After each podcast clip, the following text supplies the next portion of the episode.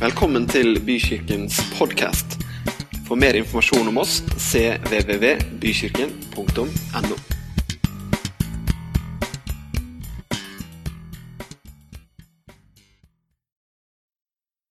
Da er vi i mars måned, og det er jo et år siden vi hadde forrige runde med 100 dager med Jesus.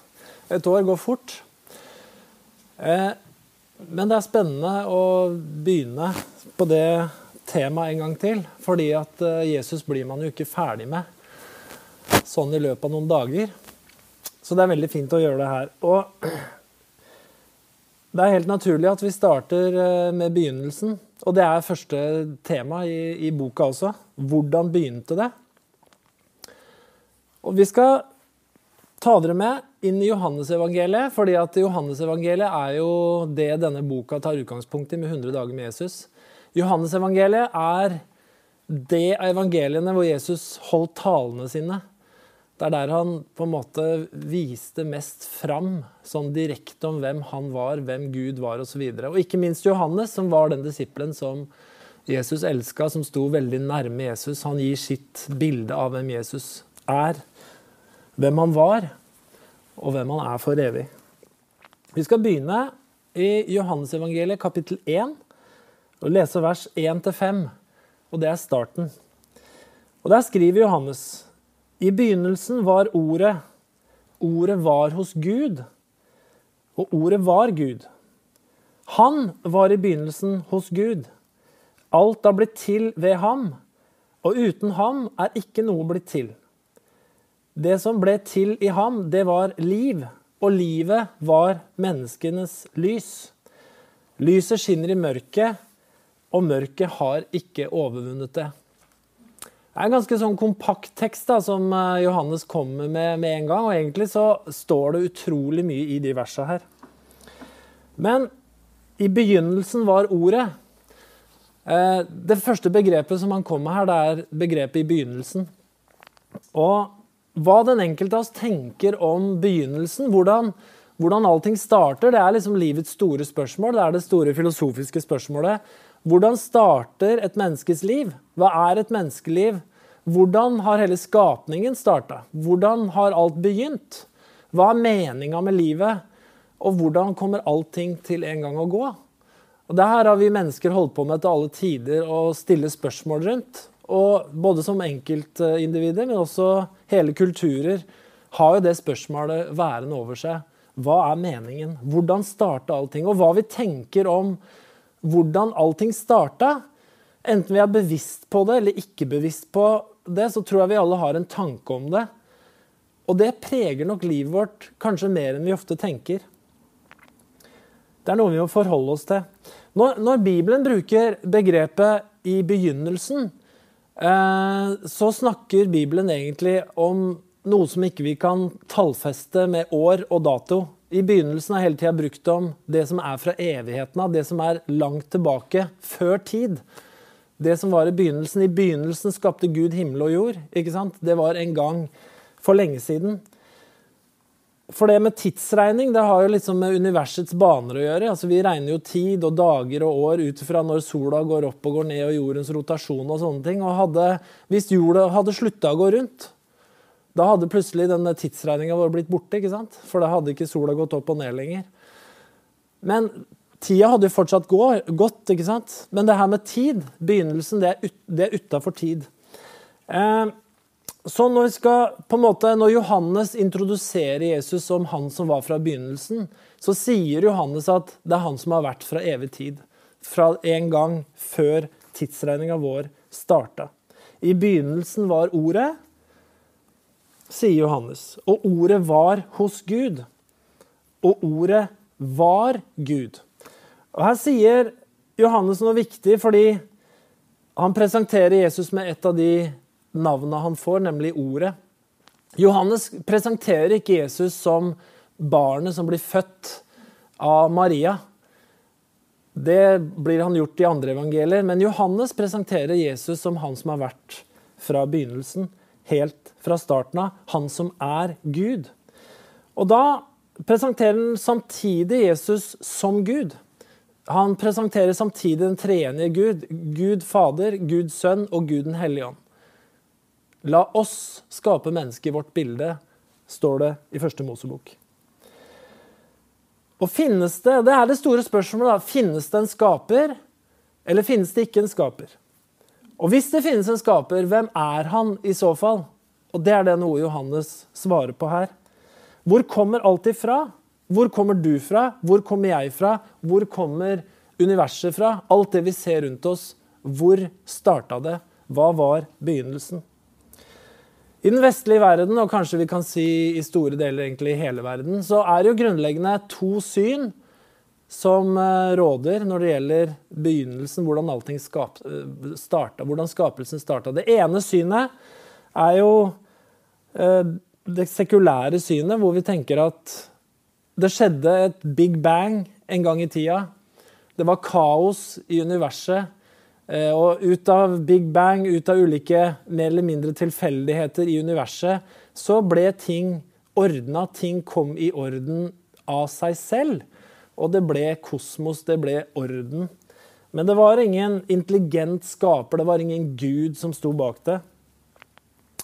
Men det har blitt ulike livsformer da, gjennom evolusjon.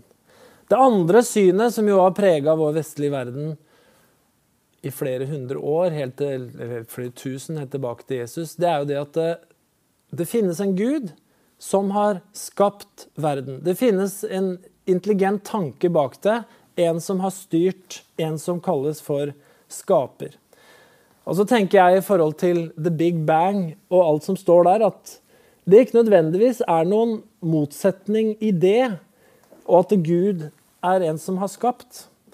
Norsk Romsenter de skrevet, de skriver på sin nettside at The Big Bang Theory det er en teori om eh, universets begynnelse og utvikling. Det er en teori, skriver de, og vi kan ikke 100 sikkert si hvordan det skjedde, men at det har skjedd, er vi veldig sikre på. De skriver ganske mye om det, men de, de konkluderer med at at det skjedde et stort smell en gang, et sted hvor universets tilblivelse liksom starter, det er de fleste forskere enige om. Men det er stor usikkerhet, skriver de, om hva som fikk det til å skje. For hvis Gud har skapt, så må han på et eller annet punkt vært et øyeblikk hvor det starta. Og det forteller også Bibelen om. Om det var et stort smell som starta det hele, kan godt være. Men jeg tror, da, som kristen, at det som fikk det til å skje, det var Gud. I Norge så får vi noen ganger inntrykk av at jo flere bøker vi leser om forskning på temaet, desto mer sannsynlig er det at det blir ateist. Jeg kunne tatt fram ganske mange eksempler på kristne forskere høyt opp i status som ikke har noen problemer med å tro på en skapende Gud samtidig som han forsker på universet. Men Gud, det betyr i så fall at det er intelligent design, det er en hensikt, det er en bevisst plan. Og det betyr også at mennesket er en del av Guds skapning. Mennesket er ikke en tilfeldighet som har oppstått gjennom lang evolusjon, men mennesket er skapt i Guds bilde. Mennesket har en hensikt, og mennesket er en åndelig skapning. Dersom mennesket sånn dypest sett da, er en del av en stor tilfeldighet, en rekke av tilfeldigheter, the survival of the fittest, så er det egentlig dypest sett ingen hensikt med det menneskelige livet. Dypest sett så er vi et resultat av evolusjon som liksom står øverst i næringskjeden. Og ingen sannheter er konstant. Og dypest sett så er det lovløst. For meg så er den sekulære historien om min eksistens og menneskets eksistens eh, veldig fattig. Eh, dypest sett så ender jeg opp med å se på meg sjøl som en sammensetning av celler. Materie. Styrt av elektriske signaler i hjernen, fra hjernen ut til kroppen min. Jeg er biologi. Kjemiske stoffer. Elektriske signaler. Jeg er celler som en gang dør, og så er det ikke noe mer. Når kroppen min dør, så er jeg borte. og det finnes ikke noe etterpå. Det er det sekulære synet på livet vårt. For meg blir det veldig fattig at jeg er liksom egentlig bare kroppen min, rett og slett. Når jeg tok helsefagutdanning, så hadde vi litt psykologi. Og vi hadde en lærer inne som snakka litt om hjernen vår, og det er veldig interessant. Om hvordan hjernen vår fungerer. Og I hjernen vår så er det jo ganske mange kjemiske stoffer som påvirker hvordan vi føler. Dopamin, endorfiner, serotonin. Ulike stoffer som kan gjøre at om vi mangler noe, så blir vi noen av dem så blir vi nedstemt, vi kan bli oppstemt av andre av dem. Og en del av den medisinen vi gir til mennesker i psykiatrien, handler nettopp om å kompensere for at det er stoffer vi mangler i hjernen. Det er veldig interessant. Og så Måten han snakka om det på, det ble liksom bare ned på kjemi til slutt. Så jeg rakk opp hånda og spurte han Du, jeg tenker på og Jeg er kristen, sa jeg. Uh, og vi har jo et begrep som er veldig vanlig innenfor kirken og hele samfunnet vårt. har alltid vært, Og det er at mennesket er en At vi har en sjel i sjela vår. Hva tenker du om det? Har mennesket en sjel? Eller er vi alle liksom bare en sammensetning av disse stoffene og disse signalene? Ja, Det syns han var et godt spørsmål. Men svaret hans Hans svar da, ikke nødvendigvis at alle svarer det, men hans svar var at ja, egentlig så var vi det. Og det bekrefta mitt litt sånn syn på at det her blir veldig stusslig måte å se et menneskes liv på. Det fineste vi mennesker kan oppleve, det aller fineste vi kan oppleve, det er kjærlighet. Det er ingenting som er finere i verden enn å oppleve kjærlighet. Det å bli forelska er kjempefint. Det å elske noen er fantastisk. Det er det fineste vi opplever. Og hvis de følelsene bare er kjemiske stoffer og elektriske signaler, så føles det veldig fattig å snakke om kjærlighet. Men Bibelen tegner et helt annet bilde av det. Snakker om en Gud som er ånd. Snakker om en Gud som er uendelig, som har blåst sitt liv inn i mennesket den dagen han skapte det. Bibelen sier at når Gud skapte mennesket, så blåste han livets ånd inn i mennesket, og det mennesket ble til en levende sjel. Det fins noe dypere i mennesket enn bare celler. Jeg hørte en professor snakke om det her på P2 faktisk forrige uke. At hjerneforskninga har kommet så langt. Så en del som forsker på hjernen, de mener at filosofer og filosofi det, er, eh, det blir utdatert. Vi trenger ikke det lenger, for vi forstår så godt hvordan hjernen fungerer. Og det handler egentlig bare om det. Dette var den professoren, jeg husker ikke hva han heter, men han er på Universitetet i Oslo. Han var sterkt uenig i det. Han mente at livet ville bli redusert til noe veldig trist og lite. Og det er her Bibelen kommer inn. Fordi han som var fra begynnelsen, som skapte oss, om vi tror på den historien, så er mennesket noe mye mer enn bare det. Mennesket ble til og ble altså en levende sjel. Mennesket er derfor dypest sett et åndelig vesen med åndelig behov. Og sjelen, ånden, kan skilles fra kroppen. Vi er noe mer enn den materien her. Mange historier i Bibelen om det. Jesus kommer til disiplene etter han har stått opp med en annen type kropp enn den han hadde når han gikk blant dem. Han kom inn i rommet deres uten at han hadde åpna døra. Paulus forteller at han var ute av sin egen kropp når han hadde en veldig åndelig opplevelse når han var i himmelen. Og mennesket har åndelige lengsler, og det er ikke noe det er ikke en påstand som bare fins i Bibelen. Det tror jeg vi kan se gjennom alle tider, til alle mennesker, i alle kulturer. Så har mennesker lengta etter det åndelige. De lengter etter en gud. Og Bibelen sier noe om det, at Gud skapte alt vakkert, hver ting til sin tid. Ja, alle tider har han lagt i, eller all, også evigheten har han lagt i menneskets hjerte, står det i Forsyneren 3.11. Johannes forteller videre om Jesus. I Johannes 1, 9-11 så skriver han Jesus, det sanne lys, som lyser for hvert menneske, det, han kom nå til verden. Han var i verden, og verden har blitt til ved ham, men verden kjente ham ikke. Han kom til sitt eget, og hans egne tok ikke imot ham. Historien om synden som kom til verden, som vi kan lese om i første Mosebok, er historien om at menneskenaturen ble forandra. Fra å være skapt i Guds bilde, fra å være i harmoni med Guds natur, så kom synden inn, og menneskets natur ble forvandla. Og det ble liksom som om Gud og mennesket ble som ild og vann. To elementer som ikke lenger kunne eksistere sammen. Det ble ulike natur. Han var hellig, og vi ble syndige og urene. Og Det er derfor Jesus kommer. Han kommer for å bringe lyset tilbake. Han kommer for å bringe mennesker tilbake til lyset. Alle mennesker opplever vanskeligheter i løpet av livet. Alle mennesker opplever tap. Alle mennesker opplever mørke. Noen opplever det mer enn andre og noen kommer kanskje litt lettere ifra det. Men det her at vi har åndelig behov, det er en sannhet for alle mennesker. Vi måler ofte behov som mennesker har. Vi har en sånn behovspyramide som vi bruker noen ganger. Hvor det høyeste opp du kan komme, liksom, det er selvrealisering. da. Og mye i samfunnet vårt, som er et rikt samfunn, vi har mat, vi har klær, vi har tak over hodet etc., etc.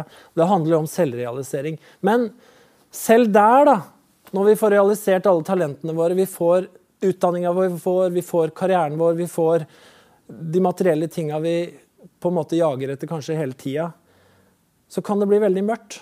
Det er ikke nok. Kan godt hende du kjenner noen. Jeg gjør det i hvert fall. Folk på min egen alder. Bare for et år siden, en veldig god barndomskamerat av meg, valgte å avslutte livet sitt.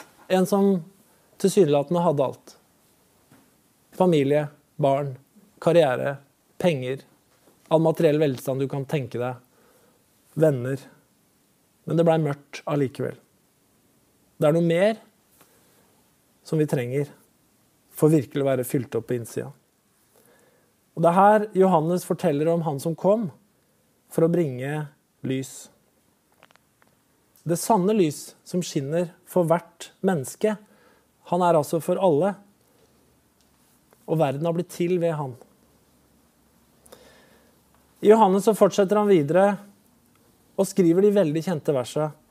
Men alle de som tok imot ham, skriver han fra vers 12 i kapittel 1. Alle de som tok imot ham, dem ga han rett til å bli Guds barn, de som tror på hans navn. De er ikke født av kjøtt og blod, ikke av menneskers vilje, ikke av manns vilje, men av Gud. De er ikke født av kjøtt og blod, skriver Johannes. Og det er her den åndelige siden av saken kommer inn. Denne her, kroppen, født av kjøtt og blod. Men Gud, han føder oss på nytt. Han gir oss åndelig lys. Fordi det er han som har skapt oss fra begynnelsen. Gud er interessert i å gjenopprette sin relasjon med hver eneste en av oss.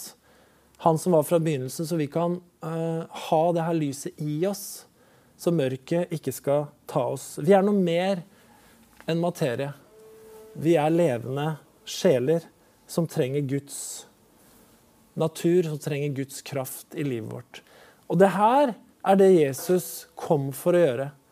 Det er for å leve sammen med oss. Det er for å ta oss hjem igjen til Gud, sånn at vi kommer til vårt sanne hjem, da, som er det himmelske hjemmet vårt. For Bibelens historie er at du og jeg var i Guds tanke også, hvor stort den kan høres ut, så var vi Guds tanke fra begynnelsen av. Så når du og jeg kommer til verden, så har Gud en tanke om oss. Vi er ikke bare tilfeldigheter. Gud han ønsker å være med oss gjennom hele livet. Og at vi skal oppleve det her å komme hjem, og det å ta imot og få lov å kjenne at lyset det er ikke bare rundt oss, men det er i oss. Det skal vi ta med oss inn i denne første uka. Og hvis du ikke kjenner han, så kan du be en enkel bønn og ta imot Jesus i hjertet ditt. Vi skal be sammen. Herre, vi takker deg for at du er fra begynnelsen. Vi takker deg for at vi kan forstå og tro at du er vår skaper, vår evige skaper. Du som var fra starten av, fra begynnelsen av, og som er Gud. Vi takker deg også, Jesus, for at du er det sanne lys som kom til verden for å lyse opp for ethvert menneske, Herre. Takk at ikke du er eksklusiv og tenker bare på noen få, men takk for at du sa at alle de som tok imot deg, de får rett til å bli Guds barn. De som tror på ditt navn. Så Herre, enten vi har bekjent dette for lenge siden, eller om vi gjør det for første gang nå, så tar du imot oss, Herre. Du kommer til oss, og du er lys, og du er med oss alle dager inn til verdens ende. Det takker vi deg for, far. I Jesu navn. Amen.